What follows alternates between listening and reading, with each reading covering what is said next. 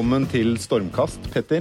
Eh, fjerde sending. eh, spennende temaer, spennende gjester. Men først, hva har du gjort i helgen? I helga var jeg på konsert. Jeg hadde faktisk tidenes konsertopplevelse på Stockholm Stadion, Summerburst, og fra 11 og litt over midnatt, når Axwell og Ingrosso gikk på Hvem? Dette er, er Altså, det er helt utrolig at ikke du vet. Dette er to av verdens største DJ-er. Er det Og- det, ja? Ja, og dette er Litt altså, sånn Avicii-type? Ja, bortsett, øh, ja, bortsett fra at disse da var til stede øh, på lørdagen. Eh, Helt, helt unikt, øh, og jeg følte at liksom starten på uka eh, Alt sammen ble bare fylt av en enorm glede. Så det er håp fortsatt øh, for oss som står her begge i mørk dress i hvit skjorte i dag. Ja, ja, og blå Du er da. kanskje mer sånn der jazzkar, du. Nei, jeg er hiphop- eh, hiphop-mann, faktisk. Eller jeg, det er enten uh, Altså, du sånn er så Bob langt fra hiphop. Det er enten Bob Dylan og Neil Young eller hiphop. Det var da et voldsomt Ja, det- ja. Men vi har to gjester foran oss, Ja, som, eh, og vi skal ikke prate om musikk. Vi går fra topp til topp, eh, Petter. Ja. Fantastiske gjester. Administrerende direktør Kjersti Hobøl i Kid Interiør. Ja. Og administrerende direktør Håkon Haugli i Abelia. Hallo. Kjersti, eh, du er en utrolig spennende næringslivsleder. Eh, Petter og jeg snakka om det litt på forhånd her, at du er jo den på mange måter, eller på papiret i hvert fall, den rake motsetning til Petter. Petter tar mye plass i ethvert rom, er synlig internt og eksternt. Du har gått under radaren til veldig mange i norsk næringsliv. Til tross for at du har utrettet fantastiske ting. Eh, Du reddet Kid Interiør og Princess eh, fra konkurs og gjort det til en kjempesuksess. Og nå skal du snart ta over Nille, som står med én fot i skifteretten. Og forhåpentligvis eh, for deg og Nille klarer å gjøre det samme igjen. Hvordan er du som leder? Hvordan oppnår du resultater uten å ta den samme plassen i offentligheten som Petter?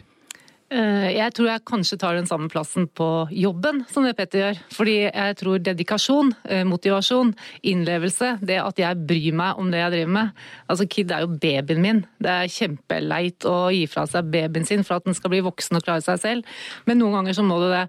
Men hvis du spør de som jobber i Kid, så vil de si at alle vet hvem jeg er, jeg kjenner alle, jeg kan navnet på alle, ikke alle ekstrahjelpene ute i butikkene, men alle butikkledere, og jeg kan omtrent hvem de er gift med og hva ungene deres heter når de skal konfirmeres. Så du må bry deg om menneskene, du må bry deg om folkene som jobber her, og så må du være på ballen. Og det er ingenting for liten, ingenting for stor, og du må liksom leve og ånde med selskapet hele veien. For det sies om det at du har en ekstrem fokus på detaljer. Er du detaljstyrende som leder? Nei, det vil jeg si at jeg ikke er, men jeg er ekstremt opptatt av at vi eh, har kontroll på det vi driver med. Fordi det er, det, I retail så er det de små små detaljene, akkurat som på et hotell. Altså det hjelper ikke hvor flott eh, bygget er, hvis ikke senga er redd opp pent. Eh, Sånn er det hos oss også. Vi må ha full kontroll på hele verdikjeden vår, ellers så vil vi ikke klare å levere over tid. Eh, Og så tror jeg det at eh, Hvis du skal være leder i dag, så, så kan du ikke ligge og vake over vannene. Du må ned i puddingen, og du må bry deg om de menneskene som jobber i selskapet. Og hvis de blir sett, så er de med på en reise som kan ta deg hvor som helst, altså. Dette elsker jeg. Altså, dette er musikk. Dette er altså jeg, Det er sikkert mange ledere der ute som ikke hører på poden vår. Hvis det er noen som kjenner en leder, så bør akkurat det klippes ut akkurat det som blir sagt her nå. Dette er for meg essensen i godt lederskap. Og jeg blir helt varm om hjertet når du snakker om hvor genuint du er opptatt av mer enn bare jobben de gjør, men hvem de er som mennesker, når de skal konfirmere seg, om noen skal gifte seg. Alt det der tror jeg er mye viktigere enn det man tror. Og så er det en annen ting. Ehm, Jeg skal love deg én ting, Per. Hun er ikke i nærheten av å være så detaljorientert som sjefen Bjørn Rune Gjelsten. Han er jo kjent for én ting. Ja. Mannen er jo altså Selv underbuksene hans ligger med tellekanter. altså, jeg er sikker på selv skittentøyet til Bjørn Rune. Ja. Det er organisert etter farger og hvor skittent det er, og hvor hardt det skal vaskes. Han fremstår jo som en ganske metodisk mann. Eh, eh, Og Bjørn Rune han har jo sagt det om deg, Kjersti, at, eller han har sagt om Kid Interiør. At han hadde aldri investert nesten en milliard kroner i Kid Interiør hvis det ikke var for Kjersti Hobøl. Det er attestet. Ja, Det var jo veldig pent sagt. Det er jo ikke bare som jeg sa, det er jo ikke meg, men det er laget og teamet. Men det er jo noen som må dra det laget og sette målet og retningen. Og det tenker jeg at eh, det har vi kanskje vært gode på å få til sammen. Og så er vi gode til å få til et team som drar i samme retning, og ikke jobber i siloer, men jobber på tvers og hjelper hverandre. Fordi hvis folk ikke hjelper hverandre nå, så har vi ikke en sjanse til å klare det over tid. Dette er ikke en spurt, det er jo en maraton. Du virker jo, eh, for meg bare, når vi møtt hverandre akkurat eh, tre minutter. Og jeg ser en person som du snakker om har henda ned i grøten, eller du hadde et annet uttrykk. Uh, ja, ned i puddingen. Ned i puddingen, Det er det samme. Uh, og du virker hands on. Og så er det én ting du, du, du, liksom oser av direkte. Du er, sånn, er du sånn ja, nei, men ikke tja-menneske? Ja, jeg er veldig ja, nei. Dette du lurer jo... ikke på hvor du har meg, og det, det tror jeg folk syns er kjempeskummelt i starten, for jeg er veldig åpen og direkte. Og som jeg sier, jeg husker jo ikke hva jeg har sagt, så jeg må jo bare si det som er sant hele tida, for ellers så blir det bare kål. Så, så behøver du ikke lure når du, vi har snakka sammen. Har du da... vært på B-holdt foredrag? BI? Ja, nei. Nei. nei. nei men du bør, du, bør, du bør, jo gå på alle eh, norske høyskoler og forklare dette er sånn dere skal lede. Men jeg tenker på at Man må være seg selv, og så må man være tro mot seg selv. Og så må man prøve å jobbe med de tingene du ikke er god på. For vi har jo styrker og svakheter alle sammen.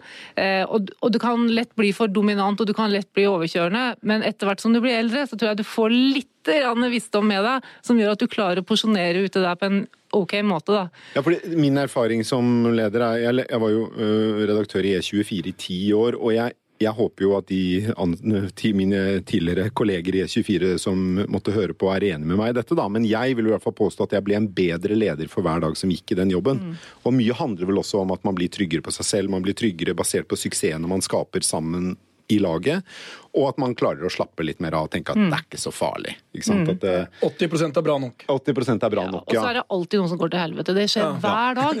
Og det må du klare å leve med. for Hvis ikke du kan leve med det, da kan du ikke stå i det over tid, altså. Mm. Men, uh, min gamle jobb og din jobb nå, Håkon, er jo sånne jobber som det er nærmest en del av stillingsbeskrivelsen at du skal være synlig eksternt. Mm. Uh, for å bygge profilen til Abelia, som jo er en Eh, en viktig måte for deg å gjøre det på, er jo at du er med. Du er, du er her, du skriver kronikker, du deltar eh, hyppig i konferanseutsatt sektor. ikke sant? Du er eh, overalt hvor folk kan se og høre deg og høre om Abelia. Eh, hvordan opplever du det at det er, påkrevet av deg å være synlig eksternt? Det er ikke fordi vi er i underholdningsbransjen at vi gjør de tingene der. Det er fordi at det er et samspill mellom det folk leser i media og det politikere bestemmer seg for, og det selvfølgelig medlemmene våre er opptatt av. Så det å sette ord på det og være synlig, det er en, egentlig en helt legitim forventning til folk som har den jobben jeg har. Og egentlig syns jeg at de alle ledere, men det behøver ikke å være ekstern synlighet alltid. Intern synlighet er viktig. Og jeg tenker sånn ansatte i en hvilken som helst virksomhet har egentlig to legitime forventninger de kan ha til lederen sin. og Det ene er gå foran. Uh, trekke opp løypa, vis vei. Og det andre er sett deg inn i sakene, forstå hva du holder på med. De to tenker jeg er sånn helt grunnleggende bærebjelker uansett hvilken type virksomhet du leder.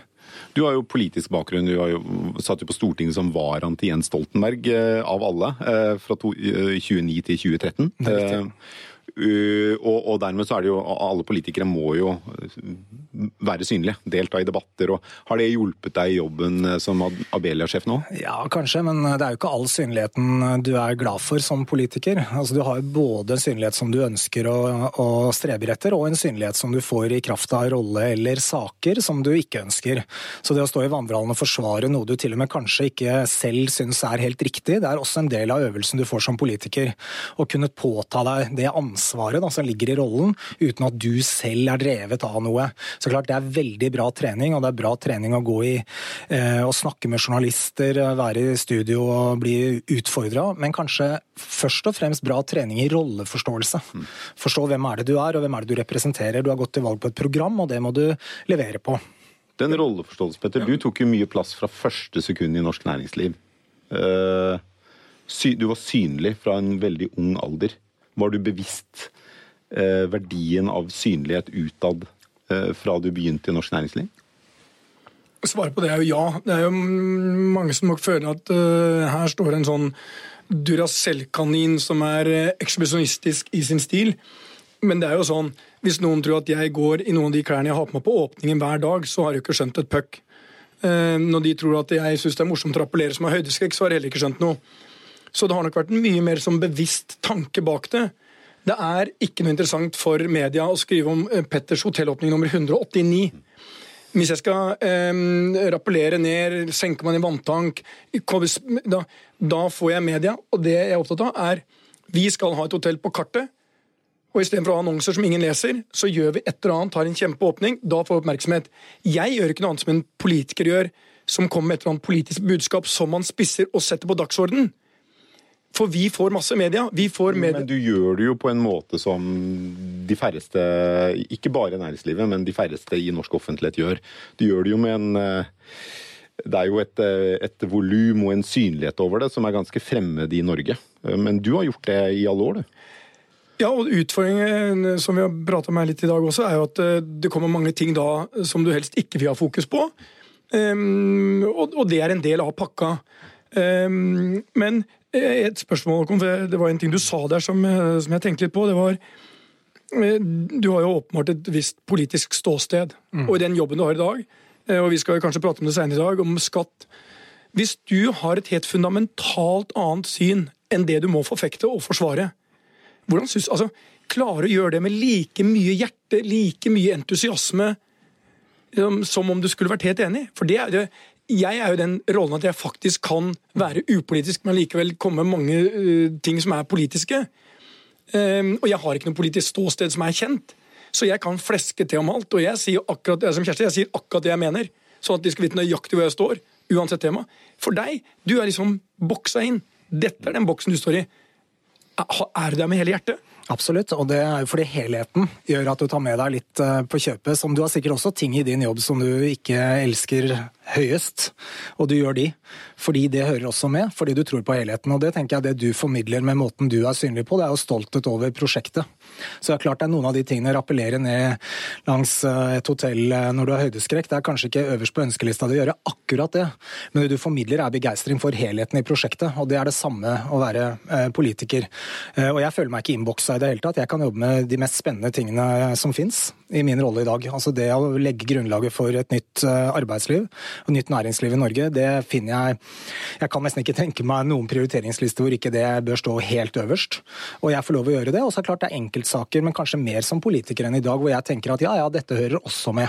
Men jeg er nok ikke like lidenskapelig begeistret for det, som jeg er for det jeg tror på innerst inne. Og der kommer kanskje rolleforståelsen du lærte deg som politiker inn. Eh, også? og så er du i hvert fall utad engasjert også for det, som du ikke brenner for, eller kanskje tror like mye på? Absolutt, og det er jo ikke sånn at det er eh, svart eller hvitt. Det er jo ofte på nyansene at dette kunne vært gjort på en litt annen måte, eller jeg hadde kanskje foretrukket det sånn, men det er ikke hovedbildet. Hovedbildet er jo at du er med på et prosjekt som bygger Norge, da, for å si det litt svulstig, og det er eh, veldig motiverende. Mm. Før vi forlater helt uh, temaet butikk her, jeg er født og oppvokst i en butikk sjøl, så jeg er litt Du skal jo inn i ny jobb nå. Mm. Nå skal du ta over liksom noe som står med et halvt bein i skifteretten. Da. Kanskje jeg ville sagt mer enn et halvt bein. Det er vel banken egentlig som har uh, kommet til Kjersti og bedt på sine knær at vi trenger hjelp. Ja, noe sånt. Noe. Ja, det, det, Men har du vært flink til å forhandle posisjonen din da? Jeg har jo lært litt av Bjørn Runen, da. Ja. ja så, så, du solgte deg dyrt? Ja, jeg syns eh, man har en markedsverdi, og den får man jo bare prøve å dra noe ut av. Men samtidig så ligger jo da en forpliktelse, en forventning i det òg.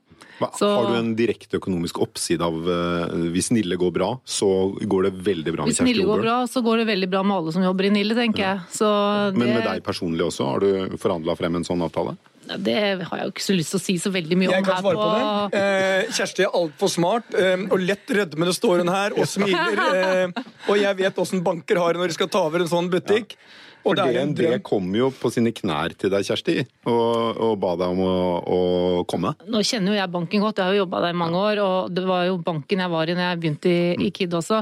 Og det, det, jeg skal ikke si at det er samme case, men det er samme utgangspunktet. Ja. Det er det. Og, og, så gjelder det å finne tilbake til Nille sine røtter, og finne den posisjonen og, og, bli en foretrukket sted hvor de norske forbrukerne har lyst til å gå og handle igjen. Finne tilbake til sjela si, og så få stoltheten tilbake i selskapet. For det å jobbe i et selskap som ligger der med litt sånn knekt rygg, da, mm. det er ganske ganske heftig å få folk til å reise seg igjen og få troa på seg selv. Hvordan gjorde du det i KID? Det jeg, det jeg fokuserte på eh, Det er veldig fint å ha en, en hovedkonkurrent. Ja, Faren min var oberst i Forsvaret, ikke sant. Så du må ha en FI. Ja. Du må ha en fi. Du må ha en FI. Du Jeg har alltid en fi også, dette er fantastisk. Ja. Jeg har Scandic fordi jeg er drita kjedelig, og Ja. hotellene Ja. suger og Og jeg- 24 hadde vi DN og Ja, det, er- det er fantastisk. Ikke sant. Og, og fien Håkon til Bare venner han. Og fien til, til Kid var jo prinsess, selvfølgelig. Ja, selvfølgelig. Ja, eh, og da var det som jeg sa til Hvorfor har ikke prinsess tatt posisjonen når Kid lå nede med brukket rygg? De har jo ikke gjort noen ting. Nå må vi bare jobbe. Dette kan vi, dette er vi gode på. Nå må vi bare jobbe med det vi kan. Drit i hva de gjør. Mm. Se fremover. Vi skal dit. Om de kommer etter eller om de kommer på siden, spiller ingen rolle. Vi skal fram dit. Var dere er flinke til å feire alle seierne, små og store underveis? å ja. Det er viktig. Ja. Gjett da. Når vi rulla, eh, når vi nådde 1 milliard kroner i omsetning, da hadde vi nedtelling med svære skjermer og kake og masse feiring ute i butikkene. Champagneflasker sendt ut. Det var liksom sånn, fordi det var en kjempemilepæl. Og så har vi liksom tatt alle de små seirene og lagt dem oppå til at det blir noen store. Og at Kid skulle bli børsnotert i 2015, det var jo ikke i våre tanker engang i 2010 når vi begynte å jobbe med dette her. Men vi fikk tilbake stoltheten. De ble stolte igjen over at vi hadde de riktige produktene. Vi hadde produkter. For det gikk jo så dårlig og hadde ikke varer engang. De måtte jo sende kundene til konkurrenten, for vi hadde jo ikke hvite håndklær og laken. Men var og- du med på den der steike fine gardiner? Nei, det var før min tid. Men tenk Ja. at den husker all den dag i dag. Ja, det er en genial ting. Eh, Den gangen. Det passet den gangen. Det passer kanskje ikke inn så godt nå lenger, i den profilen Kid har klart å ta nå, og den posisjonen. Men, men det satte jo Kid på kartet eh, skikkelig når TV 2 kom med reklamefinansiert TV. Så eh, altså jeg tror på det å ha en Når er du i gang i Nille allerede? Nei, ikke riktig ennå. Det blir til høsten, etter sommeren. Ok. Ja. Hvem er det som tar seg av skuta der når du ikke er der? Nei, det gjør jo de som er der nå, sammen med styreformann Reidar Müller, som også var styreformann i KID i sin tid. Så det er litt det samme teamet. Og så øh, spørs det om det er Det har skjedd mye i retail på åtte år, så hvordan dette her går, det er jo ikke gitt å si. Men vi skal i hvert fall gjøre vårt beste. Og vi skal i hvert fall jobbe for å få dette her opp og takte igjen. Altså Hvis noen kan få det til, så er det deg. Hvis ikke du får det til, så var det ikke liv laga. Det er min enkle konklusjon. Ja ja, takk. Vi får se. Vi kjører på, vi, Petter. Ja.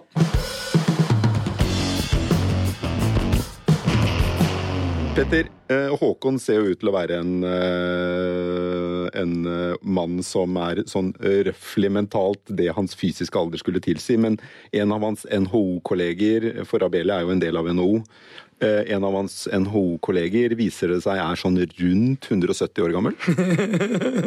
Ja, og nå gleder jeg meg at han skal følge opp det at han skal forsvare en ting NHO har gått Ja. ut med, med hjertet. Ja, Nå skal vi se åssen han klarer seg. Jeg ser han står her nå, tatt pennen fram, og han vet ikke helt hva som treffer han. Ja, og, og, det, og Petter har jo tatt av seg jakka nå før vi begynte å snakke om dette, men vi må jo da vi må snakke om eh, Stein Lier Hansen, som eh, er en av dine kolleger i NHO-systemet for norsk industri.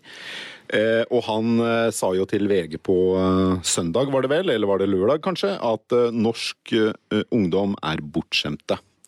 At de, de tar ikke sommerjobber de burde tatt. De, eh, de sitter heller på ræva og spiller spill, tror jeg. Sånn. Jeg vet ikke om, Han sa ikke akkurat det, men det er tonen i det han sier. Ja, Og han er jo ikke alene. En annen, en annen, det var vel Olav Thon var også ute og sa litt av det samme. Ja. Så, så du har jo eh, fullt belegg for å si det at uh, dette er jo ikke akkurat uh, unge, fremadstormende, nytenkende mennesker. Nei. Men sannheten, Håkon, vi, altså, la oss gå rett på det. Ungdom har aldri vært bedre, de ruser seg mindre, de er, trives bedre sammen med foreldrene sine, de jobber som bare det. Og dette er jo den klassiske fella. Jeg hørte fra faren min Alt var bedre da, før. Ja, da jeg var ung. Da jobba vi da. Ja. Altså, Så var det potetferie. Ja, ja, ja. Men skal vi la NHO-direktøren slippe til, eller? Hva du? Hva sier du om dette? Nei, jeg jeg er enig med deg, Petter. Eh, Ungdommen har ikke vært bedre noen gang. Men samtidig så er jo arbeidslivet i endring. Teknologi gjør at kanskje jobben på lageret eller jobben i butikk ikke lenger er så tilgjengelig, og vi ser at masse unge mennesker ikke finner sin plass i arbeidslivet. Og det tenker jeg jo egentlig det da, som er substansen i saken. 10 er av ungdom mellom 18 og 29 er på, på Nav-ordninger. Og vi vet at utlyses det stillinger i varehandel f.eks., så får man veldig, veldig mange søkere. Og det kan kanskje Kjersti Ja, ja, kommentere, men det det er helt massivt med søkning. Så det er jo ikke sånn at ungdom ikke vil ha jobb, men det er sånn at mange av dem ikke får jobb og er utenfor arbeidslivet. Og det ja, man er jo sånn, når man sier at sånn 10 menn. av menn mellom 18 og 29 er på en eller annen Nav-ordning, så det, det er jo også da alt mulig. Det er jo ikke sånn at 10, 10 av eh, menn mellom 18 og 29 er utenfor arbeidslivet. De kan ha vært i noen uker kanskje Ja, ja. ha fått en eller annen ordning. Det kan være en eller annen om, pappaperm. Det er mange eh, som er under 29 år som får, er i permisjon. Men jeg tror vi skal Så- men så hvis vi luker ikke ut dette- vi skal, Dette er ikke et moralsk spørsmål, men det er strukturelle endringer som gjør at mange av de jobbene du kunne få som ufaglært før, da, Men- det å jobbe på lager og løfte tungt og bære langt, og det, Men de Håkon, jobbene nå, er borte. nå er du veldig mye politiker her. Problemstillingen var eh, Jeg følte at vi var litt der at uh, det kommer sjelden noe godt ut. egentlig det Per jeg sier, Det kommer sjelden noe godt ut å si at alt var så mye bedre Nei, før. det. Og jeg, er ikke, jeg synes sånn Ungdommen nå til dags det er, ikke et farbart spor. Så jeg er veldig enig i det. og Jeg, jeg tror ikke det fremmer eh, en god altså, debatt en, heller. en ting er at det ikke fremmer en god debatt, men, men er det noe som helst statistisk statistisk signifikans bak en sånn påstand, eller er det bare ikke det sprøyt? moralske i det. Det mener jeg det finnes jo ikke grunnlag for. Men det finnes jo tall som viser det, og i hele vestlige verden er det Mm. sånn. Og unge menn faller ut. Og det er faktisk, tenker jeg, vår tids likestillingsutfordring. Er det. Hva gjør vi med unge gutter som faller ut av utdanning, og som Og jeg skjønner jeg høres ut som en politiker, men dette mener jeg faktisk er superviktig. Ja, men, eh, Og, og, og hva, hva skjer videre? Og det, det begynner jo ikke når de er 18 til 29. Det begynner jo før. Ja. Og vi ser at eh, gutter sliter mer i skole enn det jenter gjør. Eh, Undervisningen er kanskje lagt til rette for jenter, og så baller det på seg. Så vi må jo kurere det som eh, ikke fungerer, og ikke liksom kurere symptomet, som er at noen står utenfor arbeidslivet. Og så er det jo typisk sånne ting som øh, Petter som solgte jordbær på torget. Det er jo typisk arbeidsplasser som nå er tatt av arbeidsinnvandrere. Jeg gikk med avisa. Det er typisk øh, arbeidsplasser som er tatt av voksne som har lappen, så de kan ta større ruter og dermed få ned kostnaden per levert avis. Eller teknologien. Man laster Eller ned teknologien, avisen, ikke sant? ikke sant? Så det er veldig mange jobber som har forsvunnet gjennom arbeidsinnvandring eller eh, eh, teknologi. Mm. Eh, men ikke det at ungdom er bortskjemte. Nei, men altså, For det er det i hvert fall ikke noe bevis for. Fordi snarere tvert imot. Barn av ressurssterke foreldre har oftere sommerjobber enn barn av ressurssvake. Men det blir kanskje større forskjeller Ikke sant? i samfunnet vårt. Fordi de som faller utenfor, de har kanskje ikke noe nettverk til å fange de opp og hjelpe de å komme inn på sporet igjen. Og det er der det blir så veldig veldig fort så skeivt. Jeg bare hørte på radioen i dag at det er stadig flere gutter som faller utenfor og ikke fullfører videregående skole. Og da er liksom løpet kjørt før du er 17-16-17 år. Det er jo, fordi da kommer du på en måte veldig sjelden inn igjen. Ikke blir du fanga opp i militæret engang. ikke sant? Altså, som før i hvert fall var kanskje en arena En hvor de kunne Ja. bli voksne. Ja, ikke sant? Så i stedet for å felle en moralsk dom over eh, 18-åringer, eh, så kan vi jo da heller prøve å adressere underliggende problemer kommer, i samfunnet. og- eh, jeg tenker det kommer sjelden noe godt ut av at eh, voksne mennesker skal fortelle ungdommen hva som er gærent med dem, men det kommer kanskje noe godt ut av at vi begynner å snakke om det som er substansen her. Eh, og at eh, vår generasjon kan eh, ta større ansvar for at, å fikse det som faktisk ikke funker. For det, er, eh, det skurrer når en stor del av eh, 18-29-åringene ikke finner sin plass i arbeidslivet. og det har vi ikke råd til som samfunn heller. Men du, samtidig så skal du omtrent ha master for å jobbe som servitør. ikke sant? Det er blitt et krav til hva du skal ha av kompetanse og utdannelse for å gjøre selv de enkleste ting. Så det henger ikke helt på greip vi- der vi- heller, vet du. Vi har jo, det, altså, det var jo veldig mange svensker her en stund, og de som følger godt med bl.a. i Oslo, eh, de ser at eh, mange av svenskene nå reiser tilbake, jobber i Sverige isteden. Vi har jo til tider problemer med å få rekruttert unge mennesker.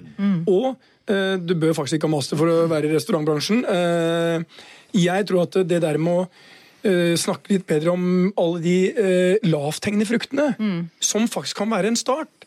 Og så har vi hundrevis av historier som begynte som servitør og endte som direktør. Ehm, og jeg tror det er en mye bedre greie å si at ja, men det fins en del jobber her. Snakke om mulighetene som ligger i mennesker, Ja. og ikke begrensningene i dem. Ja, og ikke starte med å problematisere de. Nei, det er jeg enig i. Um, Jeg tenker òg at um, det er en annen side ved denne saken. Det er jo næringslivets omdømme. Det å begynne å jobbe i næringslivet er kanskje fremstår kanskje ikke så attraktivt som det har gjort. Og det er en annen ting vi uroer oss for, da, eller jeg uroer meg for. Det er jo at vi får eh, Det blir sånn at en jobb i offentlig sektor er trygg, trygg, ofte bedre betalt, og de jobbene du kan få i en tidlig fase i næringslivet, de er kanskje ikke, fremstår ikke så attraktive. For da må du gå veien, og det der har vi også en utfordring i Norge med synet på næringsliv. Altså er velferden et resultat av politiske beslutninger, eller av at vi har hatt et næringsliv som har skapt verdier? Selvfølgelig begge deler, men det siste er helt nødvendig. Det tar oss jo ganske greit over på neste tema, Petter. Ja, og det er skatt.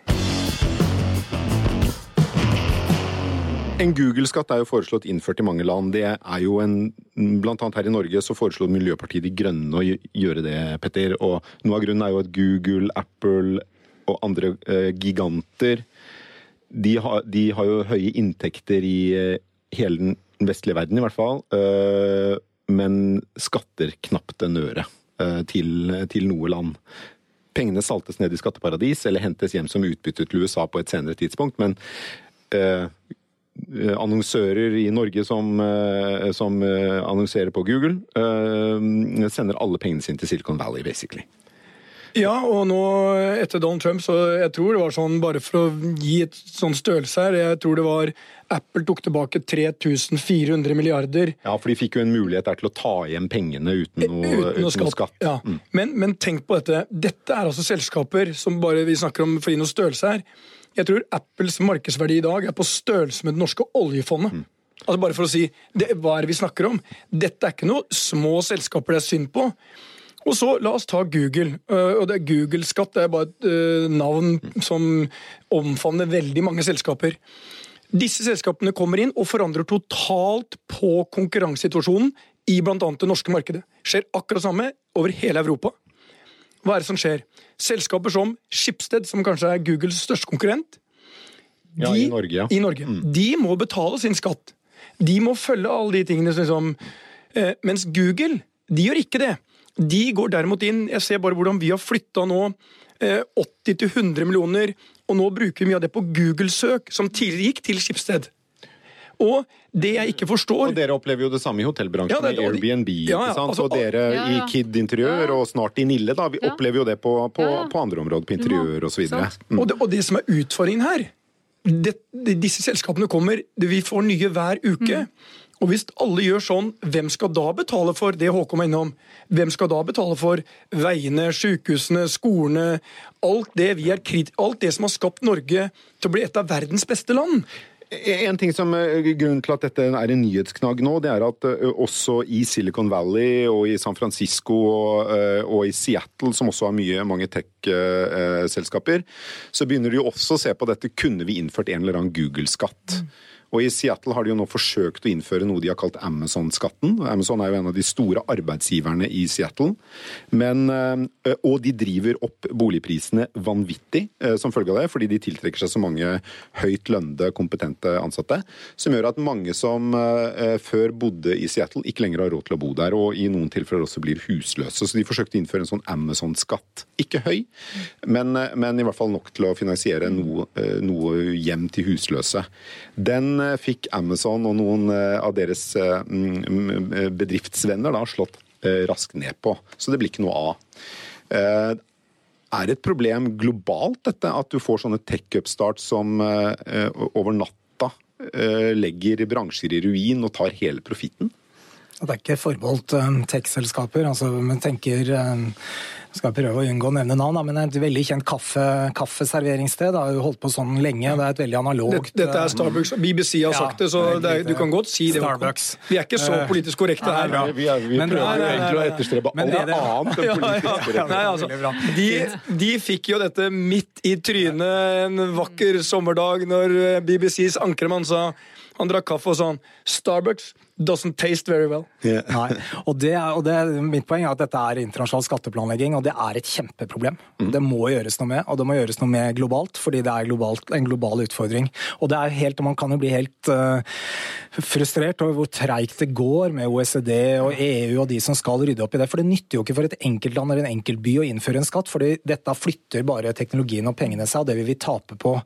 Så dette er litt sånn gordisk knute, men den må kappes på et tidspunkt. og Sånn sett er det jo veldig bra det kommer initiativer rundt omkring, og folk peker på urimeligheten i, i det her. Jeg, mitt utgangspunkt er sånn verdier skapes et sted, må beskattes det samme stedet. Det må være hovedbildet. Uh, hvis ikke så har vi problemer med å finansiere Men Hvordan definerer du hvor no...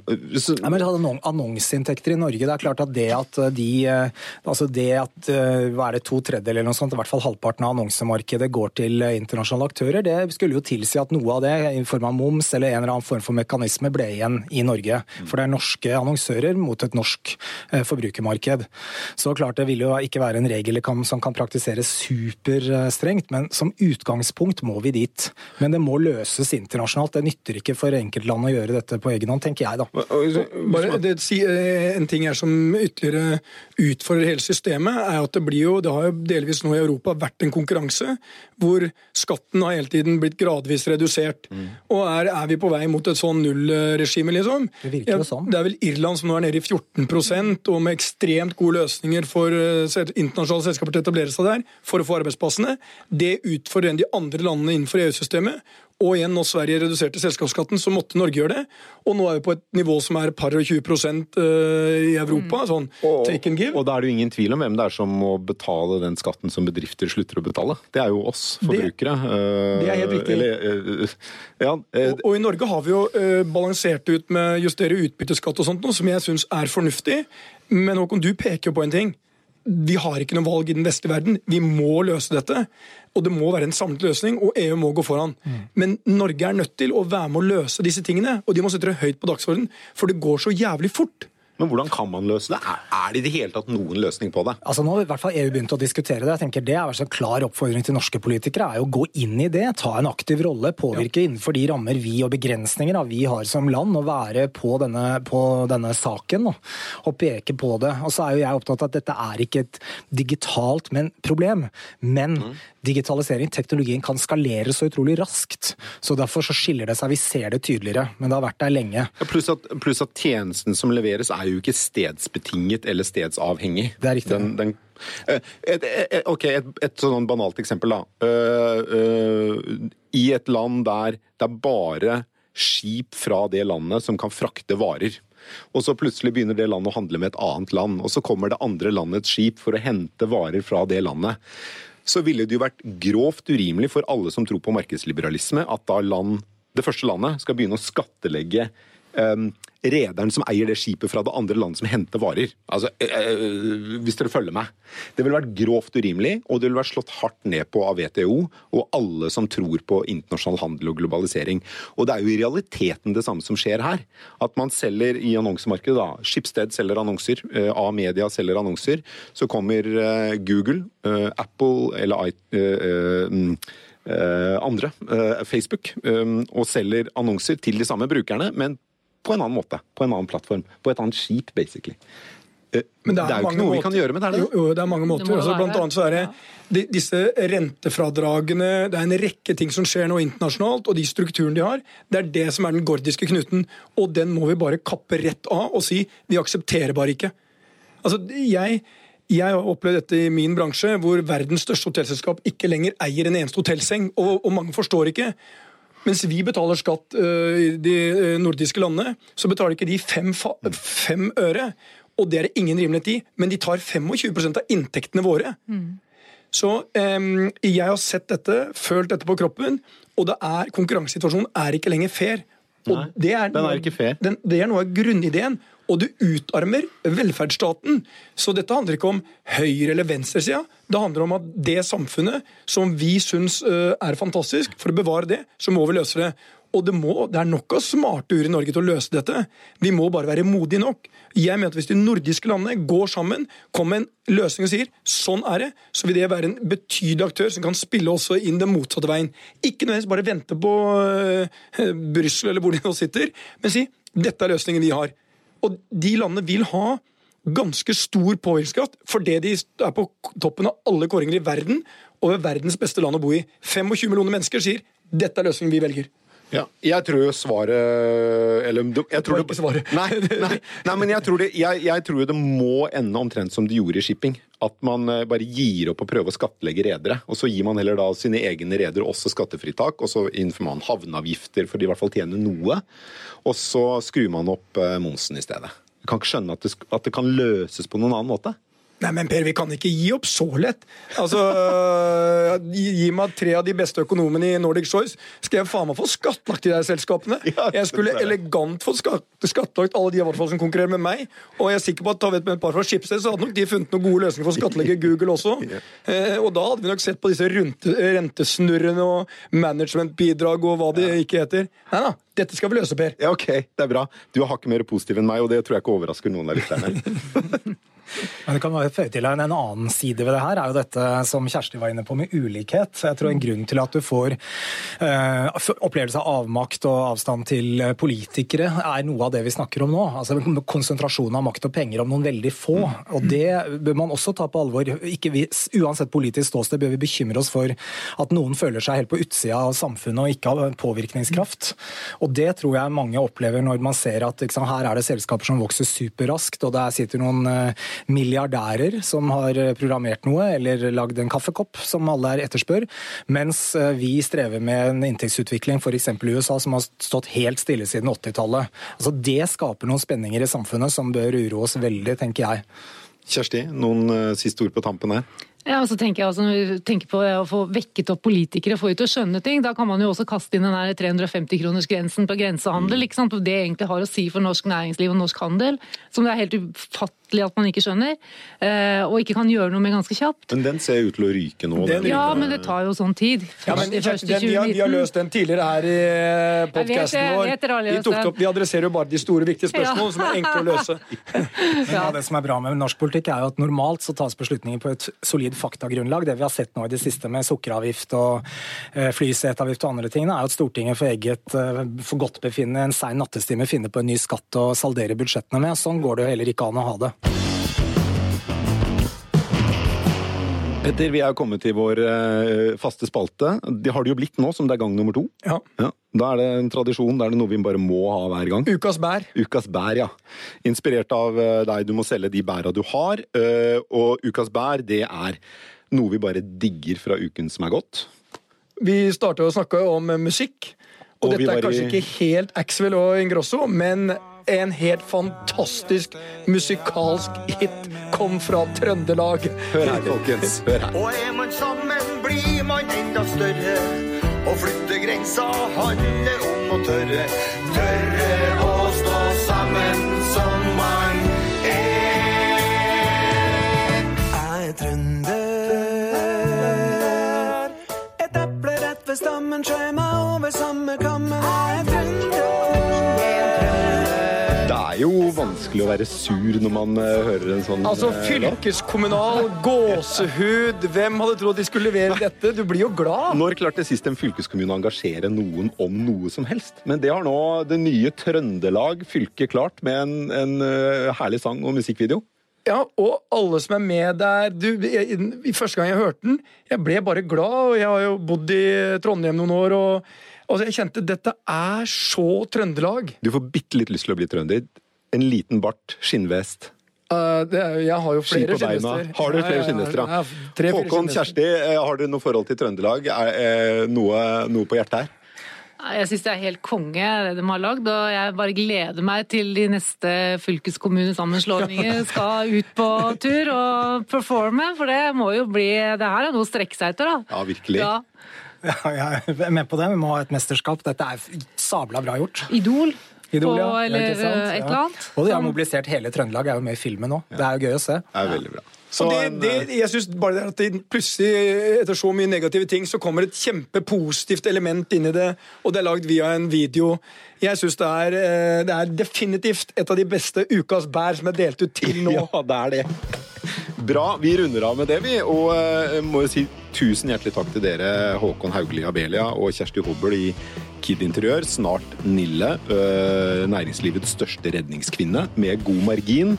Uh, du er jo nå klar med et BI-foredrag, du er snart på oppfordring fra Petter, ikke sant? Ja, ok, ja. vi får se på det, da. Ja. men dere kommer begge tilbake i studio, i hvert fall. Dere er jo en del av det vi har kalt stallen vår, så dere skal være faste gjester her i, i poden. Ikke hver uke, riktignok, det ville vært å be for mye av dere, men, men vi kommer til å høre fra dere igjen, så det gleder vi oss til allerede.